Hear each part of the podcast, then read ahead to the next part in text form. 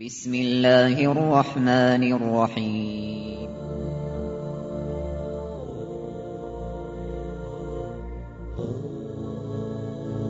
الرحمن العزيز الرحيم القوي السلام الكريم العظيم البصير العليم الحكيم الجبار.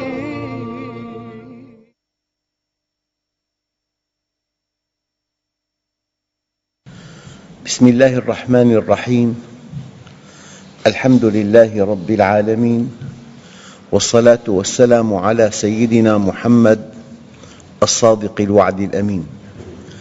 اللهم أخرجنا من ظلمات الجهل والوهم إلى أنوار المعرفة والعلم ومن وحول الشهوات إلى جنات القربات.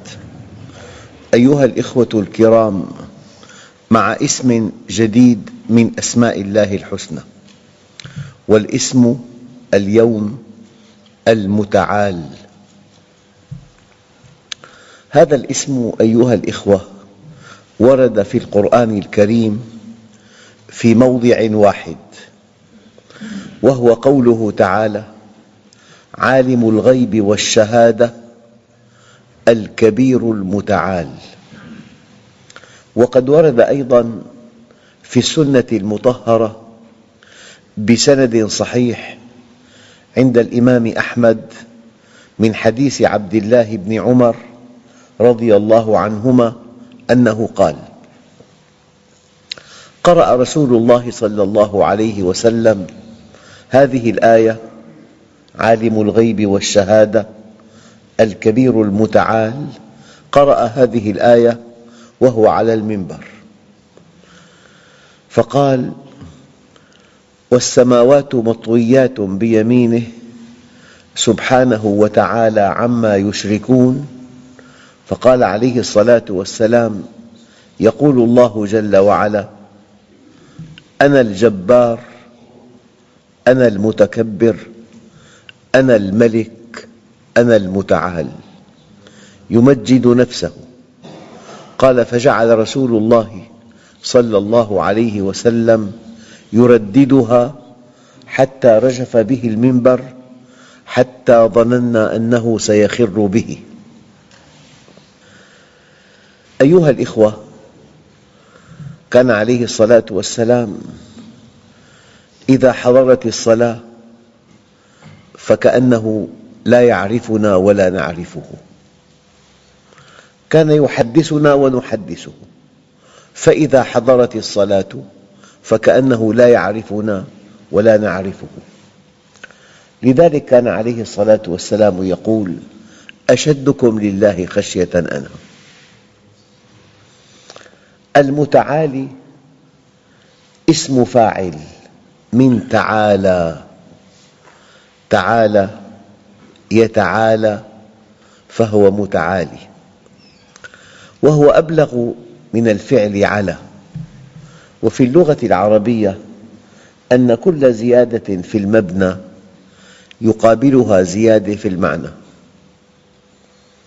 كل زيادة في المبنى يقابلها زيادة في المعنى. أنا حينما أقول سأعطيك هذا المبلغ في المستقبل فاستخدمت حرف السين. هناك معنى. أما سوف أعطيك ما دام في سين وواو وفاء سوف أطول أمداً. أية زيادة في المبنى يقابلها في اللغة زيادة في المعنى. التعالي الارتفاع. العرب تقول تعالى فعل أمر لكن له حالة خاصة. فعل الأمر مبني على السكون. أما هذا الفعل مبني على الفتح. وفي فعل آخر هاتي فعل أمر مبني على الكسر. هذا الفعل فعل أمر مبني على الفتح. تعالى. للإثنين تعالى. للرجال تعالوا إلى كلمة سواء بيننا وبينكم. للمرأة تعالي للنساء تعالين. أيها الإخوة قد يكون الذي تقول له تعالى هو في الطابق الأعلى وأنت في الطابق الأسفل. فهذا العلو علو مكانه يعني ارتفع إليه الآن المتعالي سبحانه وتعالى هو القاهر لخلقه بقدرته القاهر لخلقه بقدرته. فالمتعالي هو المستعلي. المستعلي على كل شيء بقدرته. قال بعض العلماء المتعالي على كل شيء أي قد أحاط بكل شيء علماً وقدرة وقهراً وخضعت له الرقاب في كل شيء ودان له العباد طوعاً وكرها والمتعالي الكبير فكل شيء تحت قهره وسلطانه وعظمته ولا إله إلا هو ولا رب سواه لأنه العظيم وليس هناك من هو أعظم منه أنت تعبد من؟ تعبد خالق السماوات والأرض تعبد من؟ تعبد من بيده الأمر من إليه يرجع الأمر كله تعبد من؟ من إذا قال لشيء كن فيكون تعبد من؟ من في قبضته السماوات والأرض. إذا عرفت الله زهدت فيما سواه. إذا عرفت الله كنت عزيزاً كنت قوياً كنت شجاعاً. إذا عرفت الله عرفت كل شيء. لكن لعلكم تذكرون أن في القرآن كلمتين العباد والعبيد. العباد جمع عبد الشكر بينما العبيد جمع عبد القهر. فكل إنسان كائنا من كان حتى الكافر حتى الملحد حتى الفاجر حتى العاصي في قبضة الله. كن فيكون زل فيزول. فالإنسان المقهور هو عبد يجمع على عبيد وما ربك بظلام للعبيد. أما الإنسان الذي تعرف إلى الله وأقبل عليه وأحبه وتقرب إليه نقول هذا عبد الشكر وجمعه عباد وعباد الرحمن الذين يمشون على الأرض هونا والواحد منا لا يضمن أن يبقى حياً لساعة واحدة فنحن جميعاً في قبضة الله. المؤمن تفضل الله عليه بالإيمان فهو يعلم أنه في قبضة الله. بينما غير المؤمن توهم أنه قوي وفي أي لحظة يقبض الله روحه. فإذا هو خبر بعد أن كان شخصاً كبيراً. المتعالي سبحانه وتعالى هو الذي ليس فوقه شيء في قهره وقوته فلا غالب له ولا منازع له بل كل شيء تحت قهره وسلطانه. قال تعالى وهو القاهر فوق عباده وهو الحكيم الخبير. لكن الناس يتوهمون أن في الأرض قوة جبارة يخافونها والحقيقة كل هذه القوى الجبارة التي نراها على شبكية العين هي بيد الله. ورد في الأثر القدسي أنا ملك الملوك ومالك الملوك. قلوب الملوك بيدي فإن العباد أطاعوني حولت قلوب ملوكهم عليهم بالرأفة والرحمة. وإن عصوني حولتها عليهم بالسخطة والنقمة. فلا تشغلوا أنفسكم بسب الملوك وادعوا لهم بالصلاح فإن صلاحهم بصلاحكم. لأنه لا يليق بألوهية الإله أن يقع في ملكه ما لا يريد. لا يليق ولا ينسجم مع ألوهية الإله العظيم أن يقع في ملكه ما لا يريد. فلذلك كل شيء وقع أراده الله بمعنى سمح به وكل شيء أراده الله وقع. وإرادة الله متعلقة بالحكمة المطلقة والحكمة المطلقة متعلقة بالخير المطلق. هذه المقولة على قصرها. لو عقلناها وفهمنا أبعادها تملأ النفس راحة ما بعدها راحة. وهو القاهر فوق عباده وهو الحكيم الخبير. هو قاهر مسيطر لكن بحكمة ما بعدها حكمة وبرحمة ما بعدها رحمة وبخبرة ما بعدها خبرة. وهو القاهر فوق عباده ويرسل عليكم حفظة.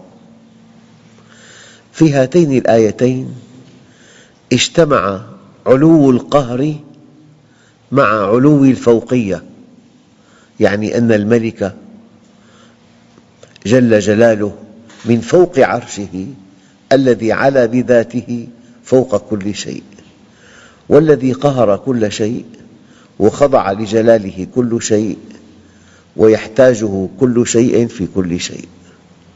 يعني هذا الإله العظيم ألا يخطب وده؟ ألا ترجى جنته؟ ألا تخشى ناره؟ بطولة الإنسان أن يكون مع الجبار. مع الواحد القهار مع المتعالي. الآن أيها الأخوة نحن بحاجة إلى بعض المعاني التفصيلية حول هذا الاسم.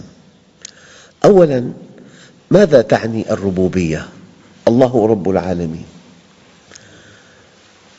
لا بد من توضيح هذا بمثل. يعني أنت عندك مؤسسة وبحاجة إلى موظف. أعلنت في الصحف عن وظيفة عندك. واشترطت على الموظف أن يمضي ستة أشهر تحت التدريب والامتحان.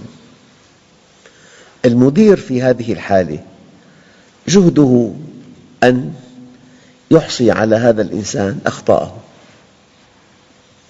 فإذا تراكمت وبلغت حداً لا يحتمل صرفه. أليس كذلك؟ هنا مهمة المدير إحصاء الأخطاء ليرى ما إذا كان هذا الإنسان صالحاً أو غير صالح.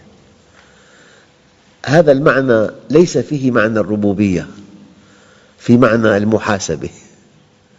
لكن حينما يكون ابنك في هذا المكان أنت أب والأب مربي أنت حريص أن ترشده إلى الصواب.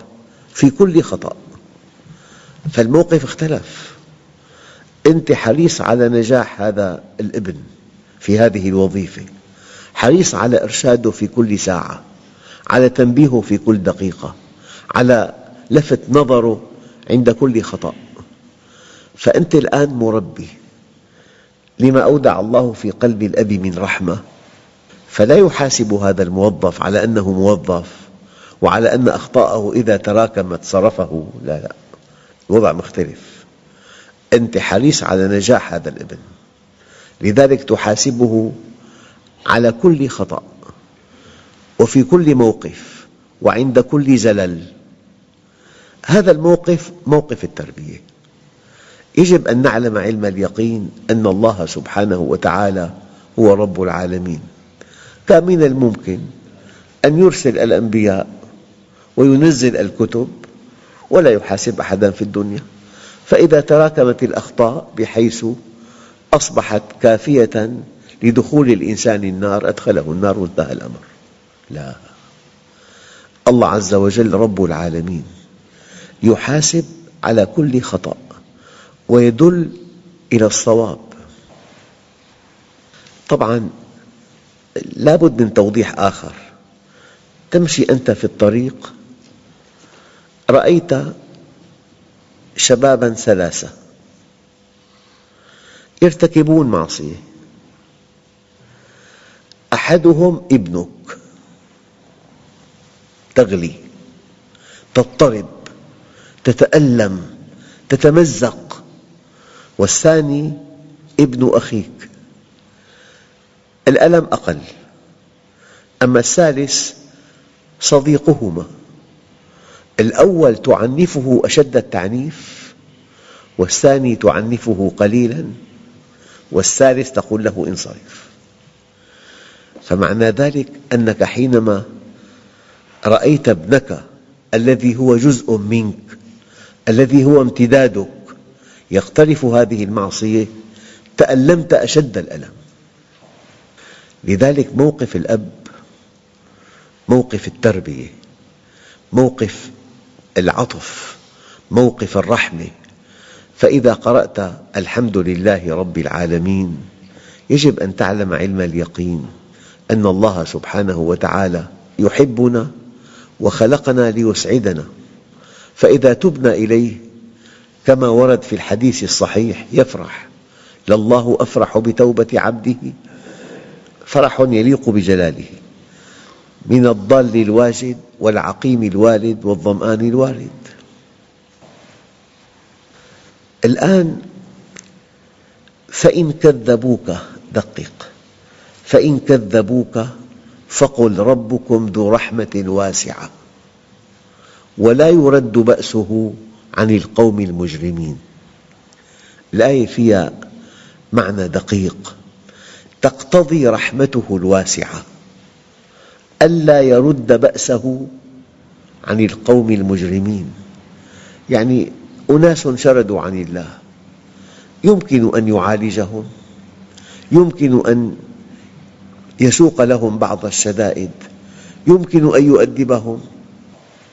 تقتضي رحمته أن يؤدبهم. لا أن يدعهم. يعني يلي عنده يتيم بمحله التجاري. وسرق. أيهما أفضل؟ أن يطرده ليتابع السرقة عند غيره أم أن يؤدبه ويبقيه عنده؟ تقتضي الرحمة أن تؤدب لا أن تطرد.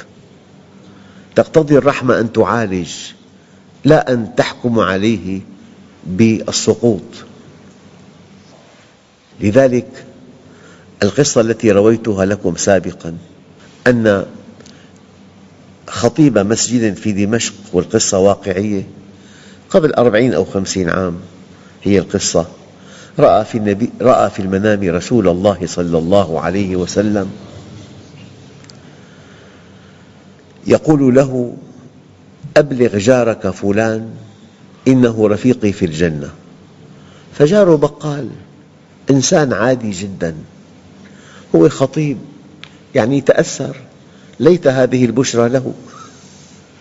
فذهب إليه وطرق بابه وقال له لك عندي بشرى من سيد الخلق ولكن لن أقولها لك إلا إذا أخبرتني ماذا فعلت مع ربك.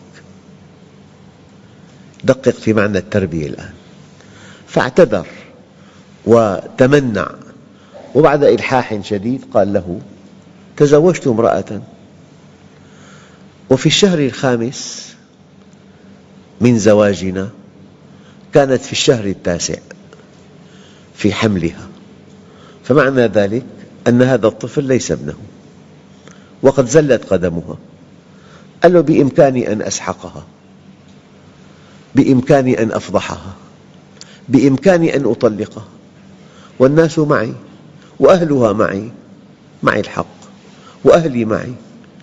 والمجتمع معي والحكم الشرعي معي هي خاطئة. قال له أردت أن أحملها على التوبة. أتيت لها بمولدة ولدتها في الليل وحملت هذا الغلام الذي ولد لتوه تحت عباءتي وتوجهت إلى المسجد وانتظرت حتى قال الإمام الله أكبر بدأ بالصلاة. فدخلت إلى المسجد وضعت هذا الغلام وراء الباب والتحقت بالمصلي ولم يرني أحد. بعد انتهاء الصلاة تجمع الناس حول هذا الطفل الصغير لأنه بكى. وتألموا وتحلقوا حوله وعجبوا من وجوده هنا. هو تأخر إلى أن استكمل الناس تحلقهم حول هذا الصغير. فأتى إليهم وقال ما القصة؟ قال تعال انظر. قال أعطوني إياه أنا أكفله. أخذه أمام أهل الحي على أنه لقيط وتعهد أن يربيه ودفعه إلى أمه. هذا موقف في تربية وتابت على يديه. استحق هذه البشرى من رسول الله. قال له قل لجارك فلان إنه رفيقي في الجنة. يعني قبل أن تؤدب قبل أن تعاقب قبل أن تسحق قبل أن تفضح. اهدأ. إذا اخترت أن تربي لك عند الله أجر لا يعلمه إلا الله. فالله عز وجل رب العالمين. لذلك فإن كذبوك فقل ربكم ذو رحمة واسعة. ولا يرد بأسه عن القوم المجرمين. تقتضي رحمته الواسعة. ألا يرد بأسه عن إنسان شرد عن الله شرود البعير. والله عز وجل حكيم. والله عز وجل يسوق من الشدائد ما يحمل على التوبة. لذلك في القرآن آيتان. يعني العجيب أن كل آية لها معنى. تاب الله عليهم. ليتوبوا. ساق الله لهم من الشدائد ما حملهم بها على التوبة. يعني مرة واحد أراد أن يعني يعلق تعليق لطيف على دعوتي. أن دعوتك من ثلاثين عام ما فحواها؟ قلت له كلمتان. التعبير الدارج إما أن تأتيه. راقضا أو أن يأتي بك راقضا يا بتجي ركض يا يأتي بك رغدا. الله عنده أساليب عنده وسائل عنده مصائب عنده بلايا عنده أمراض. يخلي الإنسان الشارد يسرع إليه يسرع إلى بابه. نعم. الآن آية ثانية؟ يا أبت إني أخاف أن يمسك عذاب من الرحمن. تقتضي رحمته أن يعذب. يا أبت إني أخاف أن يمسك عذاب من الرحمن فتكون للشيطان وليا. يعني أب يرى ابنه الطاهر العفيف المؤدب. قد أخذ مبلغا من صديقه دون أن يدري صديقه ولا يتصرف ولا يحاسب ولا يؤدب ولا يعاقب. لو تركه على هذا العمل لتفاقم هذا العمل. ما في أب على وجه الأرض يرى ابنه أخذ مبلغا ليس له ولا يحاسبه. تقتضي الرحمة أن يحاسب. الآية التي تليها ولا تحسبن الله غافلا عما يعمل الظالمون. إنما يؤخرهم ليوم تشخص فيه الأبصار. بربكم يمكن أن تنهى إنسان عن أن يطفئ الشمس؟ مستحيل. ليس هذا نهيا. النهي ما كان ممكن الوقوع. لا تتأخر. التأخر قد يقع. لا تكذب. الكذب قد يقع. لا تظلم. الظلم قد يقع. ليس هناك في اللغة نهي لفعل مستحيل. إياك أيها الإنسان أن تطفئ الشمس. مستحيل. وألف ألف مستحيل. ولكن تقول له إياك أن تهمل إياك أن تتأخر إياك أن تخطئ إياك أن تظلم. ليس هناك نهي إلا لشيء يمكن أن يقع. الله عز وجل يقول ولا تحسبن الله غافلا إذا هناك من يظن أن الله غافل. هناك من يقول أين الله؟ الطرف الآخر قوي جدا ويبطش ويسفك الدماء ويهدم البيوت ويحتل الأراضي ويتفنن بالقتل والتدمير ونهب الثروات ضعاف الإيمان يقولون أين الله؟ ولا تحسبن الله غافلا عما يعمل الظالمون. إنما يؤخرهم ليوم تشخص فيه الأبصار. ما دام هناك نهي هي لا لا ناهية ولا تحسبن الله غافلا. إذا هناك من يظنه غافلا. هناك من يقول أين الله؟ هناك من ترك الصلاة. يقول لمن أصلي؟ لماذا المسلمون هذا حالهم؟ لماذا قوى الشر تتكالب عليهم؟ أين الله؟ لذلك في غفلة ولا تحسبن الله غافلا وفي تغافل والتغافل شيء لا بد منه للامتحان. مرة ذكرت أنه صاحب محل تجاري يدخل إلى المحل أول إنسان يخرج آخر إنسان يجلس على الطاولة مكان المال تحت قبضته. يا ترى الموظفون أمناء؟ ما أتيح لهم أن يمتحنوا. أما إذا خرج صاحب المحل من المحل وجلس في المحل المقابل في مكان يرى ولا يرى فصار الموظف وحده في المحل ومكان المال تحت يده يراقبه. الآن هذا الموظف يتوهم أن صاحب المحل ليس في المحل. هذا التغافل من صاحب المحل أعطاه فرصة ليمتحنه بها. مد يده وأخذ مبلغ وضعه في جيبه. سقط في الامتحان. أو بقي أمينا. ما فعل شيئا. إذا الله عز وجل يتغافل. يعني يظنه الناس غافلا ولا يغفل. ولا تحسبن الله غافلا عما يعمل الظالمون. إنما يؤخرهم ليوم تشخص فيه الأبصار. وضع الناس يشبه إنسان مربوط بحبل لكن مرخى الحبل. مرخى. فلأنه مرخى يتوهم الإنسان أنه طليق. الآن أدق آية ولولا أن تصيبهم مصيبة بما قدمت أيديهم لقالوا ربنا لولا أرسلت إلينا رسولا فنتبع آياتك ونكون من الموقنين. ولولا أن تصيبهم مصيبة بما قدمت أيديهم فيقولوا ربنا لولا أرسلت إلينا رسولا فنتبع آياتك ونكون من المؤمنين. إذا هذه المصائب التي تأتي هي رسائل من الله. انتبهوا يا عبادي أنا أعلم ما تفعلون وسوف تحاسبون والحمد لله رب العالمين.